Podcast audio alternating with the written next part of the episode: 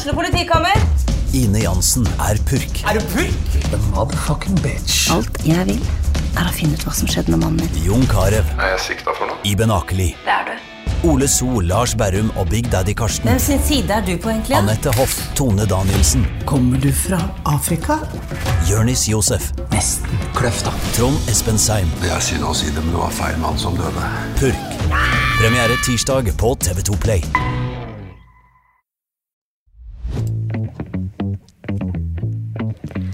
Velkommen til en ny episode av TV-podden. Jeg heter Marie Olavsen, og i dag har vi to gjester i studio.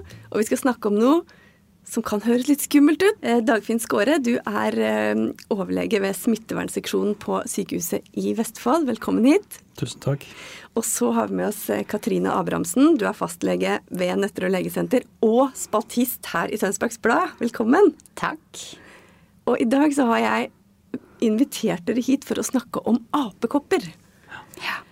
Jeg har fortalt for de i redaksjonen at vi skal lage podkast om apekopper, og alle sier det er skumle greier. Er det det, Dagfinn? Uh, ja, det, det kan jo være det. Um, det, er jo, um, det er jo en litt sånn ny infeksjonssykdom som vi har måttet uh, lære oss å forholde oss til etter at det har vært et utbrudd med apekopper i Europa og Norge og noen deler av verden for øvrig uh, siden i vår. Og det har jo fått en del oppmerksomhet. Um, og det har vært uh, mye skriverier om det, og av ulike grunner, som vi sikkert kan komme inn på etter hvert. Men det er jo en infeksjonssykdom som det går an å beskytte seg mot. Det tenker jeg er viktig å få fram. I kjølvannet av covid-19-pandemien så syns jeg det er verdt å, å si at uh, apekopper er ikke noe du får på bussen eller på kinoen, med mindre det skjer noe helt spesielt. så, så det, er en, det er en sykdom som uh, ikke er like smittsom som uh, covid. Og som smitte er assosiert med risikoatferd langt på vei. Så folk flest trenger ikke være redd for apekopper. Og det er jo heller ikke en veldig farlig infeksjon for de fleste.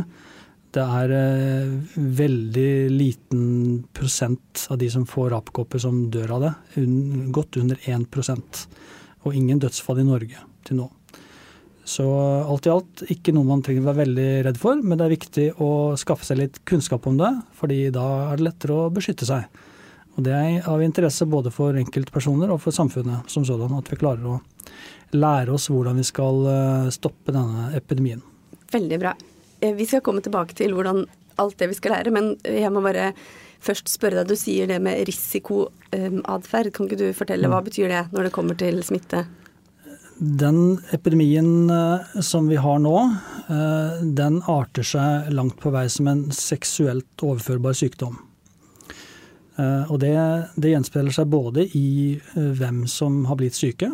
I Norge så er det eh, Sist jeg sjekka så var det 80 meldte tilfeller av apekopper i Norge. Og samtlige er menn. eh, Og samtlige er i det man kan kalle seksuelt aktiv alder. Eh, Og det gjenspeiler igjen smitteveiene for dette viruset, som i dette utbruddet langt på vei er seksuelt overført, og spesielt da i den gruppen som man kaller menn som har sex med menn. Um, Så er det sånn at smittestoffet, viruset, fins i mange kroppsvæsker. eh, Og også i kroppsvæsker som utveksles ved seksuell kontakt, for å si det på den måten. Katrine, har du hatt eh, noen apekopper på kontoret ditt? Nei, vi har ikke det, altså. Eh, Det har ikke vært så mye snakk om det, heldigvis. Altså, når det kom, så tenkte jeg at det, nå blir sånn reaktivering av sånn eh, postpandemisk stress. Liksom at det, nå kommer det en ny bølge, men det har vært eh, forbausende lite snakk om det. Jeg tror ikke jeg har hatt en eneste pasient. Jeg spurte kollegaene mine, det var vel én kollega eh, på kontoret som hadde en som man kanskje tok prøver av og lurte litt på det. Men ellers så har det vært lite. Ok. Men hvis vi skal gå liksom helt ned til det basiske. Altså, Hva er dette viruset, og hvordan arter det seg i kroppen og på kroppen? Vi har jo sett eh, bilder som jeg syns er litt sånn skremmende. Ser ut som, som ganske sånn sinna utslett eller byller, eller kan du kan dere beskrive Jeg kan jo Altså Jeg leste nå at noen steder så begynner det i ansiktet som sånne røde prikker.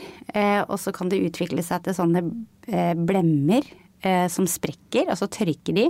Så det kan ligne på en sånn blanding av de som har hatt eh, brennkopper f.eks. Og vannkopper. Og det kan se litt sånn ut, da. Mens de som har vært nå, Dagfinn, de har vel vært stort sett eh, i, i skrittet og i rumpa at det har vært utslett. Ja. Ja, Begynner gjerne som utslett, eh, kløende utslett som utvikler seg til blemmer eller eh, byller, eh, og som etter hvert sprekker og væsker. Og de kan være veldig smertefulle. Og litt sånn som vi var inne på i stad med smitteveier, så eh, i og med at dette henger sammen med eh, seksuell kontakt, så er de vanligste stedene man får litt, disse blemmene, det er i, i og rundt munnen, i svelget, og rundt eller i endetarmen. Eh, og der kan det være veldig smertefullt. Um, og eh, disse blemmene de inneholder da væske som inneholder veldig mye virus. Og det er liksom den fremste smitteveien, kanskje. Kontakt med sånne blemmer, eller som vi nevnte, kroppsvæsker. Og så er det allmennsymptomer. Det starter ofte med at man føler seg uvel, feber. Eh, man kan få vanligvis hovne lymfeknuter, eh, f.eks. på halsen eller i lysken. Um, ja, så det er liksom de vanligste symptomene. Eh, men det er i prinsippet en blemmesykdom. Eh, ordet kopper eh, har jo med væskefylte blemmer å gjøre. Og det er en hel gruppe av sykdommer for så vidt som vi kan si litt mer om etter hvert. Men det ser jo ganske dramatisk ut, da. Men de, de bildene Altså, det har vel vært mest i, eh, mest i afrikanske land. Og det har vel kanskje vært sånn litt underrapportert der nede. Men her i hvert fall så er de tilfellene som har vært rapportert, så har det vært blemmer i underlivet og ja. Mm. Men da er det snakk om ubeskytta sex? Eller Ja, kan det smitte Det kan jo smitte hvis man har Altså hvis en med blemmer sitter i en badstue uten håndkle, og så kommer det igjen og setter seg rett på det stedet, så kan det jo være virus. Eh, ikke sant? Da kan man jo rett og slett bli smitta av, av, av på en måte gjenstander, da. ja, så både direkte og indirekte kontakt. Enten ja. badstuebenker, håndklær, klær, sengetøy. Sengetøy, sove i samme seng, i en klem. Og så er det jo dråpesmitte, så det, det skal jo liksom litt til. Ikke sant? Det er ikke som med, covid. Eh, og så får vel de fleste symptomer. Ja, eh, det er, dette vet jeg ikke om man har fullt ut eh, kunnskap om, men, men eh, så vidt jeg vet så, så kan man få varierende grad av symptomer. Noen kan få bare én eller to eller, eller få blemmer og milde symptomer, andre kan få mer alvorlige utbrudd. Eh, og dette gjenspeiler muligens litt sånn immunitet som de som er født før 1976 og har fått koppevaksine. De har nok også en, en viss beskyttelse mot uh, apekopper. For det er to virus som ligner hverandre veldig mye. Du kan ha apekopper, og så vet du ikke om det, da. At du ikke har fått symptomer ennå. Er, er du smittsom da? Ja. Det kan man være, ja. Fra du har symptomer, altså f.eks. feber, føle seg uvel, da er man eh, smitteførende på den måten at eh, man kan ha virus i kroppsvæsker, f.eks. Og så bryter utslettet ut i form av utslett og blemmer, eh, og så er man da smitteførende så lenge de blemmene inneholder væske. Når de tørker ut og blir til skorper og faller av, så er det ikke lenger smitteførende der. Eh, Det ligner jo litt på vannkopper, Ja. eh, samme regelen vi bruker der. Ja. Det som er litt spesielt med apekopper, er at man har påvist virus i sæd i ganske lang tid etter sykdom. Så derfor anbefaler Folkehelseinstituttet at man bruker kondom i tolv uker etter infeksjonen, for å hindre smitteoverføring den veien. Hvorfor heter det apekopper? Ja, Eh, Det var vel noen aper eh, i et laboratorium. Det klarte jeg iallfall. Jeg fikk en lenke av Dagfinn. Føler meg veldig flink som har lest den, altså.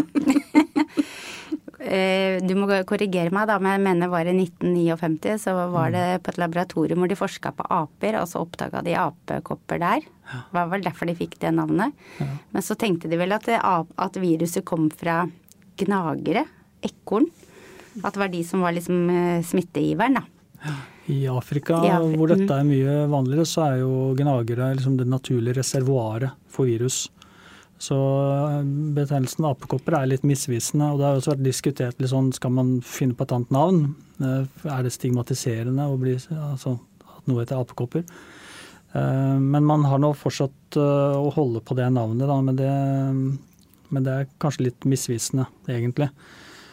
I og med at det er andre dyr egentlig som er reservoaret. Og så smitter det til mennesker i Afrika, enten via direkte kontakt med dyr eller uh, ja, Man spiser kjøttet? Ja, det man kaller bushmeat. Ja. Eh, dårlig kokt bushmeat Mm. kan også inneholde virus. Da. Så det er vanlige smittekilder i, i Afrika. Eh, men i Norge så, og eh, dette eh, utbruddet som pågår nå, i Vest-Europa og Nord-Amerika, så er jo smitteveiene litt andre, da. Men eh, det viruset som sirkulerer nå, det har jo også den egenskapen antageligvis at det vil kunne danne et reservoar hos gnagere f.eks. i Norge. Da. Så Derfor så er eh, Folkehelseinstituttet veldig opptatt i sin, sin rådgivning om at eh, de som er smittet skal unngå kontakt med også husdyr. For eh, det er jo ikke sånn kjempelang vei fra en pasient via en huskatt til gnagere. Så det er liksom en av, en av bekymringene da, som folkehelsemyndighetene har. At uh, dette viruset etablerer seg i den norske faunaen, og slik at det kan danne utgangspunkt for stadig nye utbrudd. Så det må man prøve å unngå. Unngå kontakt med katta. Ja, ikke sant? Så, så derfor så er det jo viktig at de som er syke og smittet, tar det på alvor og følger de rådene som Folkehelseinstituttet gir om å isolere seg og, og ta forholdsregler for å unngå å spre smitte videre. Men, men er det sånn at eh, norske fastleger har eh, god kunnskap om det her, og at hvis det dukker opp noen, så kommer de til å si må huske på å ikke klappe katten? Eh, ikke sant? At, de, at er den Hvordan virker det når det kommer en sånn ny Hvordan virker Folkehelseinstituttets informasjonskanaler ut til hvert enkelt legekontor? Vi har jo en veldig dyktig kommuneoverlege i kunder i den kommunen jeg jobber i. Eh, Så vi har jo fått informasjon derfra på mail. Eh, Og så er det jo eh, liksom jeg håper å si, oppgaven vår å følge litt med og, og skaffe oss den kunnskapen vi trenger da, til det. Så, så det tror jeg nok er ganske godt ivaretatt. Altså hvis det kommer en med de symptomene, så tror jeg nok de aller fleste fastleger vil fatte mistanke. Um, og det hørte jeg forresten på eh, var en som eh, uttalte seg, lurer på om det var en, eh, var en amerikansk lege, at det der med at det kan jo være andre smitteveier enn de seksuelle også, ikke sant. Via spytt og mm, at man sitter på samme sted i en badstue som en annen som har hatt apekopper akkurat og sitte i. At det, det at det er seksuelt overførbart kan jo noen ganger eh, gjøre at noen kan unngå å ta kontakt med lege. At det er litt stigmatiserende at den smitteveien vi har nå er eh, seksuelt overførbar. Da. Sånn at eh, hvis man har symptomer, så er det kjempeviktig som Dagfinn sier, at man bare tar kontakt. Og kanskje ringer aller først, sånn at vi er litt varsla for hvordan vi skal ta imot de pasientene. Mm. Og så er det jo sånn at eh, selv om eh, mye av denne smitten har vært eh, i dette MSM-miljøet, så er det jo noen av de også som har familie og er i kontakt med barn.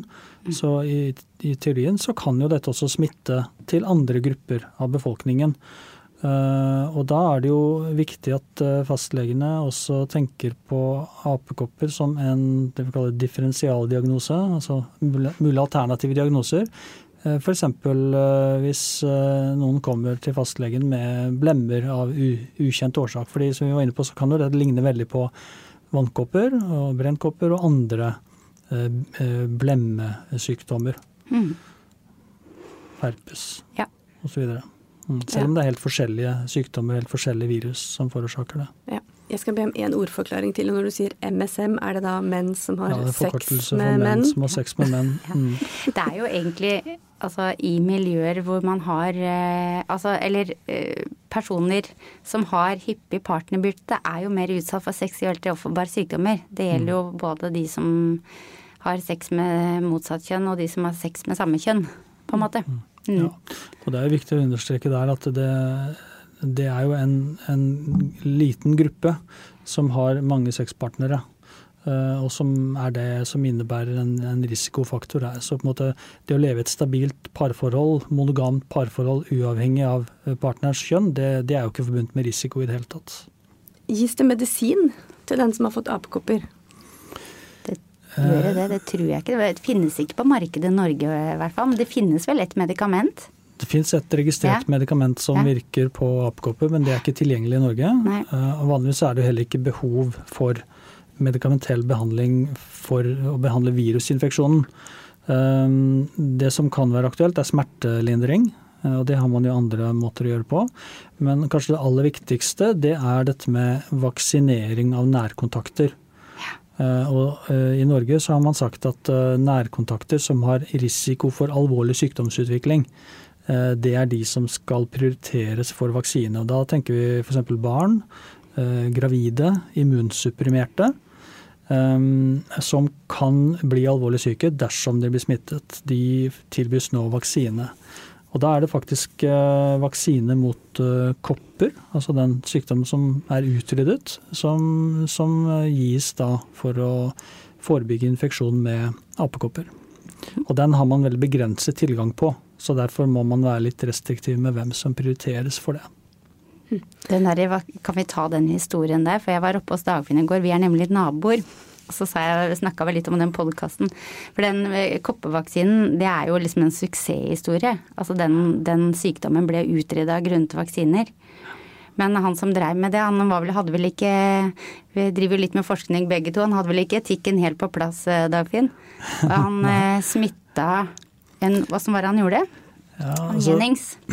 ja, uh, Jenner. Jenner var det, ja. Ja, ikke forveksle med familien Jenner i andre sammenhenger. Dette var Ja. på slutten av 1700-tallet. Eh, Og han, han hadde jo altså det Han hadde fått med seg en, eh, i hvert fall sånn som historien fortelles, en, en oppfatning som hadde spredd seg blant budeier i Storbritannia. Om at de som hadde vært smittet av kukopper, de eh, hadde ikke så stor sjanse for å få kopper. Eh, så det var en sånn, litt sånn utbredt folkelig oppfatning. Og kukopper det er enda en koppeinfeksjon som er i familie med apekopper og kopper. eh, Som gir da blemmesykdom hos kuer, og som kan smitte til mennesker, men som ikke smitter videre da mellom mennesker. Eh, Så han, han ville teste ut dette, så han tok eh, eh, kukopper fra en budeie og smittet en åtte år gammel gutt. Eh, Jeg tror han liksom stakk et eh, lite hull på armen og, og gned inn denne væsken fra kukoppene. Og gutten fikk jo da kukopper, selvfølgelig, der lokalt på armen. Og så når det hadde tilhelet, så eh, utsatte han gutten for koppesmitte. Ekte kopper, som var en fryktelig sykdom. Høy dødelighet. Utryddet jo store deler av Europas befolkning. Eh, Men gutten ble ikke syk. Eh, Og det var den første vaksinen. Og ordet vaksinasjon, det betyr direkte oversatt å bli smittet med kukopper. Det begrepet har jo blitt brakt videre, da. Men det er som du sa, Katrine, at han hadde jo antageligvis blitt bura inne i dag. Han hadde blitt bura inne. Det er ikke lov å drive sånne forsøk. Men Men det er jo litt interessant, da. Mm. Han fikk jo at takkebrev fra den amerikanske presidenten. Og, Ja, han gjorde det. Og det er jo liksom på en måte eh, vaksinens far. Og så eh, og det gikk jo ikke så lang tid heller før det prinsippet ble veldig utbredt og liksom Mm. omfavnet. Ja. Så allerede tidlig på 1800-tallet så ble jo koppevaksine påbudt faktisk ved lov i Norge. Mm. Og det var faktisk påbudt ved lov i Norge eh, fram til 1976. Så det var lang tradisjon. Mm. Og det betyr at de som er født før 1976, de har koppevaksine. Eh, Og har dermed en viss beskyttelse mot apekopper. Det var veldig betryggende, altså. Mens jeg som er født i 77, jeg er skikkelig Du ute å er uvaksinert. Ja, Da må man eh, kompensere med andre risikoreduserende tiltak. Ja, ikke sant. Sitte, ikke sitte naken i badstue, Nei, Marie. nei, det er eh, et, eh, en ting. Men den koblingen til altså den sammenhengen sånn historisk og også sånn mikrobiologisk da, med kopper, den er jo interessant. Og den er jo også relevant sånn i forhold til dette med bioterror. Fordi koppeviruset, det ekte koppeviruset, det er jo utrydda som sykdom, men viruset fins jo i enkelte laboratorier. Eh, og man, man tenker jo at det er et eh, skummelt eh, våpen sånn i bioterrorsammenheng. Så derfor har man jo sånn beredskapslager av koppevaksine i Norge. Og det har man jo nå fått bruk for i denne apekoppepidemien. Er det noen eh, positive grunner til at eh, noen laboratorier har dette koppeviruset? Um, ja, man har vel tenkt at eh, det er viktig å ha det for å kunne forske på det, få kunnskap om det og dermed kunne beskytte seg mot det. Um, F.eks. dersom man skulle få en bioterrorhendelse, så, så vil det jo være viktig å, å ha mest mulig kunnskap om viruset, uh, slik at man kan beskytte seg mot det. Um, men det er klart det innebærer en betydelig risiko også. Um, og de laboratoriene som man vet har det, det er to laboratorier i USA og Russland som sies å være under uh, oppsyn av Verdens helseorganisasjon. Men det har også på en måte blitt kanskje litt mer usikkert uh, nå i senere tid, da, hvor, hvor trygt det er. Men eh, det er jo et, eh, et våpen som jeg vil tro at de fleste vegrer seg for å, å ta i bruk. For da kan fort komme tilbake og bite en sjøl i halen. Og det er jo fremtiden egentlig, det med vaksiner. Vi ser vi bruker jo vaksiner Altså barn blir jo nå i skolealder vaksinert mot det vi kaller for sånn humant papillomavirus. Det er jo en annen gate, da. Som vi tenker eh, gir Eller som vi vet er, har sammenheng med livmorhalskreft og, og også ja, kan være kreft på kjønnsorgan hos menn, da, eller hos gutter. Så nå får jo både gutter og jenter den vaksinen, ikke sant? sånn at ikke guttene kan smitte jentene. Så vaksiner er jo, er jo liksom eh, eh, fremtiden i beskyttelse av mange alvorlige sykdommer, også kreft. Ja, jeg, vil hevde at uh, vaksinen er kanskje det største medisinske oppdagelsen noensinne. Som har hatt størst betydning for folkehelsen. Og jeg tror at vaksine i ulike former er den veien vi skal gå også for å bekjempe et annet viktig problem, f.eks. antibiotikaresistens eh, hos bakterier. Det å forebygge infeksjoner og redusere bruken for antibiotika, det er kjempeviktig for å, å sikre at de antibiotikaene fortsatt virker i fremtiden. Eh, Så hvis jeg skal komme med en oppfordring, så må det være til alle om å friske opp vaksinene sine. Eh, Det er jo noen vaksiner som man får en gang for alle, så er det noen som trenger påfyll. Eh, Og det å fylle på de vaksinene, f.eks. stivkrampe, difteri, kikhoste, det er veldig Polio. fornuftig å gjøre. Polio. Mm. Og det får man hos fastlegen hos oss. Vi, de fleste fastleger tilbyr oppfri- oppfriskning av grunnvaksinering. Men hvis det er en infeksjon vi, vi her i Vestfold burde være litt redde for sånn sett, så er det mer heller å prøve å unngå for flått, da. Det tenker jeg på. Det er liksom, Apekopper er én ting. Nå er ikke flått farlig, det heller. Eh, Men eh, det, det, det kan jo være det. Eh, Og det kan man jo også eh, vaksinere seg for. Ikke den borreliaen, da, bakterien som er i flått vanligvis, men et annet virus. Sånn flåttbåren eh, eh, ja, skogsencefalitt, et sånt litt mer alvorlig virus som kan gi en eh, hjerne, hjerneinfeksjon. For å si det litt sånn enkelt, da. Så Det kan man vært, også vaksinere eh, seg for. Ja, for det hørtes ikke så stas ut. Nei. Er sånn man kan dra med seg hjem fra skogen? Nei, og det har man vel ikke noe behandling for? Nei, ikke, ikke for selve infeksjonen. Det blir Nei. sånn det vi kaller understøttende behandling. Ja. Eh, Men, men det er en eh, infeksjon som er lettere å forebygge enn å behandle. Ja. Og der finnes det en god vaksine tilgjengelig som, ja. som eh, man helst bør ta utenom flåttsesongen. Så nå som det går om noen uker mot høst og vinter, så kan det være et gunstig tidspunkt å begynne på vaksinasjon mot tikkborne encefalittvirus, TBE. Er det, et, er det et vaksineprogram, eller er det én gang? Det er tre vaksiner som gis med et visst mellomrom. Så de fleste fastleger skriver resepter og tilbyr det. Vi har det på kontoret, for vi, eh, vi, vi driver litt med det. Men, eh, så det er veldig enkelt. Og snart kommer jo også influensavaksinen. Så det anbefaler vi også eh, i hvert fall de som er i risikogruppen å ta. Jeg tar den sjøl, jeg. Jeg også, Ja. hvert år. Og så er jo det der å holde seg frisk, da. Jeg har jo vaksinert han eldste som gikk tredje klasse på videregående også mot influensa. Jeg tenker det er jo liksom Man kan jo bli skikkelig sjuk. Hvor mange er det som dør av influensa i året? Er det rundt 1000? 900 til 1000? Sånn, ja. Ja. snitt Ja. omtrent. Nå er det jo stort sett gamle og litt de med dårlig immunforsvar, men, men det, er, det har jo liksom litt samfunnsøkonomiske konsekvenser òg, det der å være liksom lenge satt ut av spill, da. Kan jeg bare spørre helt avslutningsvis. eh, De av oss som er sånn, eh, sånn akkurat passe voksne, da, og, og det er- begynner å bli ganske lenge siden vi kjørte det barnevaksineprogrammet. Når er det vi bør fylle på med vaksiner? F.eks. jo stivkrampe, hvor lenge varer den?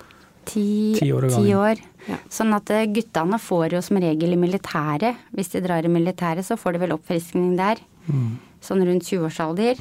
Eh, Men jentene gjør jo ikke det. Men nå er det jo kanskje ikke vært så mye reising i det siste pga. pandemien, men ungdommer er jo en del ute og reiser, så de er jo flinke til å tenke på det da, i forbindelse med det. Eh, Men eh, hvis ikke du har friska det opp, så er det lurt å gjøre det. Så Folkehelseinstituttet har fint informasjonsmateriell på nettsidene sine om vaksiner og vaksineanbefalinger.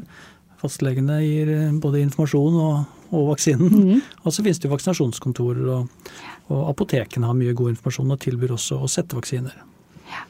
Det er jo fhi.no, det er jo en nettside som nesten alle nordmenn har blitt veldig godt kjent med de siste åra.